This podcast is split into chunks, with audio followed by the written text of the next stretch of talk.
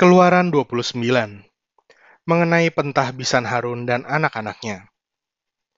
Inilah yang harus kau lakukan kepada mereka, untuk menguduskan mereka, supaya mereka memegang jabatan imam bagiku.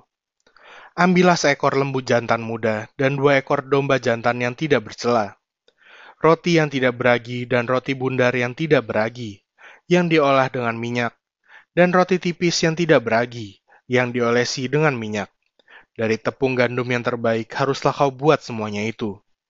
Kau taruhlah semuanya dalam sebuah bakul, dan kau persembahkanlah semuanya dalam bakul itu. Demikian juga lembu jantan dan kedua domba jantan itu. Lalu kau suruhlah Harun dan anak-anaknya datang ke pintu kemah pertemuan, dan haruslah engkau membasuh mereka dengan air. Kemudian kau ambillah pakaian itu, lalu kau kenakanlah kepada Harun kemeja, gamis baju efod, dan baju efod, serta tutup dada. Kau kebatkanlah sabuk baju efod kepadanya. Kau taruhlah serban di kepalanya, dan jamang yang kudus kau bubuh pada serban itu.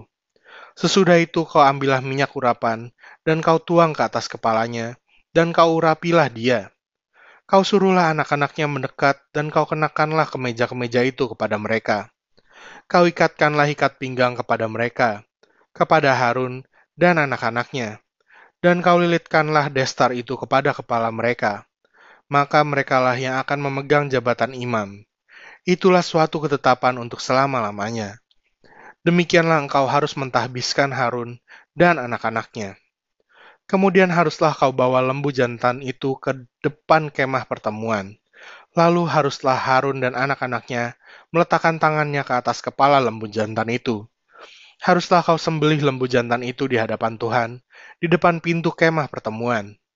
Haruslah kau ambil sedikit dari darah lembu jantan itu, dan kau bubuh dengan jarimu pada tanduk-tanduk mesbah. Dan segala darah selebihnya, haruslah kau curahkan pada bagian bawah mesbah. Kemudian kau ambillah segala lemak yang menutupi isi perut, umbai hati, kedua buah pinggang, dan segala lemak yang melekat padanya, dan kau bakarlah di atas mesbah tetapi daging lembu jantan itu, kulitnya, dan kotorannya haruslah kau bakar habis dengan api di luar perkemahan. Itulah korban penghapus dosa. Kemudian haruslah kau ambil domba jantan yang satu, lalu haruslah Harun dan anak-anaknya meletakkan tangannya ke atas kepala domba jantan itu. Haruslah kau sembelih domba jantan itu, dan kau ambillah darahnya, dan kau siramkan pada mesbah sekelilingnya haruslah kau potong-potong domba jantan itu menurut bagian-bagian tertentu. Kau basuhlah isi perutnya dan betis-betisnya, dan kau taruh di itu di atas potongan-potongannya dan di atas kepalanya. Kemudian haruslah kau bakar seluruh domba jantan itu di atas mesbah. Itulah korban bakaran, suatu persembahan yang harum bagi Tuhan, yakni suatu korban api-apian bagi Tuhan. Kemudian haruslah kau ambil domba jantan yang lain, Lalu haruslah Harun dan anak-anaknya meletakkan tangannya ke atas kepala domba jantan itu. Haruslah kau sembeli domba jantan itu. Kau ambillah sedikit dari darahnya, dan kau bubuh pada cuping telinga kanan Harun dan pada cuping telinga kanan anak-anaknya, pada ibu jari tangan kanan dan pada ibu jari kaki kanan mereka. Dan darah selebihnya kau siramkanlah pada mesbah sekelilingnya haruslah kau ambil sedikit dari darah yang ada di atas mesbah dan dari minyak urapan itu, dan kau percikanlah kepada Harun dan kepada pakaiannya, dan juga kepada anak-anaknya dan pada pakaian anak-anaknya. Maka ia akan kudus, ia dan pakaiannya, dan juga anak-anaknya dan pakaian anak-anaknya. Dari domba jantan itu haruslah kau ambil lemaknya, ekornya yang berlemak, lemak yang menutupi isi perutnya, umbai hatinya, kedua buah pinggangnya, lemak yang melekat padanya, paha kanannya, sebab itulah domba jantan persembahan pentahbisan. Kau ambillah juga satu keping roti, satu roti bundar yang berminyak, dan satu roti tipis dari dalam bakul berisi roti yang tidak beragi, yang ada di hadapan Tuhan. Haruslah kau taruh seluruhnya ke atas telapak tangan Harun dan ke atas telapak tangan anak-anaknya, dan haruslah kau persembahkan semuanya sebagai persembahan unjukan di hadapan Tuhan.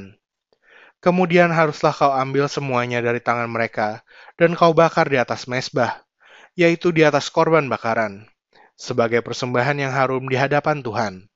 Itulah suatu korban api-apian bagi Tuhan.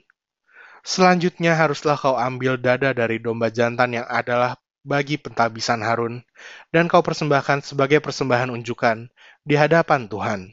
Dan itulah bagian untukmu. Demikianlah harus kau kuduskan dada persembahan unjukan dan paha persembahan khusus yang dipersembahkan dari domba jantan, yang adalah bagi pentahbisan Harun dan anak-anaknya. Itulah yang menjadi bagian untuk Harun dan anak-anaknya menurut ketetapan yang berlaku untuk selama-lamanya bagi orang Israel. Sebab inilah suatu persembahan khusus, maka haruslah itu menjadi persembahan khusus dari pihak orang Israel, yang diambil dari korban keselamatan mereka, dan menjadi persembahan khusus mereka bagi Tuhan. Pakaian kudus kepunyaan Harun itu haruslah turun kepada anaknya yang kemudian, supaya mereka memakainya apabila mereka diurapi dan ditabiskan. Tujuh hari lamanya haruslah pakaian itu dikenakan oleh imam penggantinya dari antara anak-anaknya, yang akan masuk ke dalam kemah pertemuan untuk menyelenggarakan kebaktian di tempat kudus.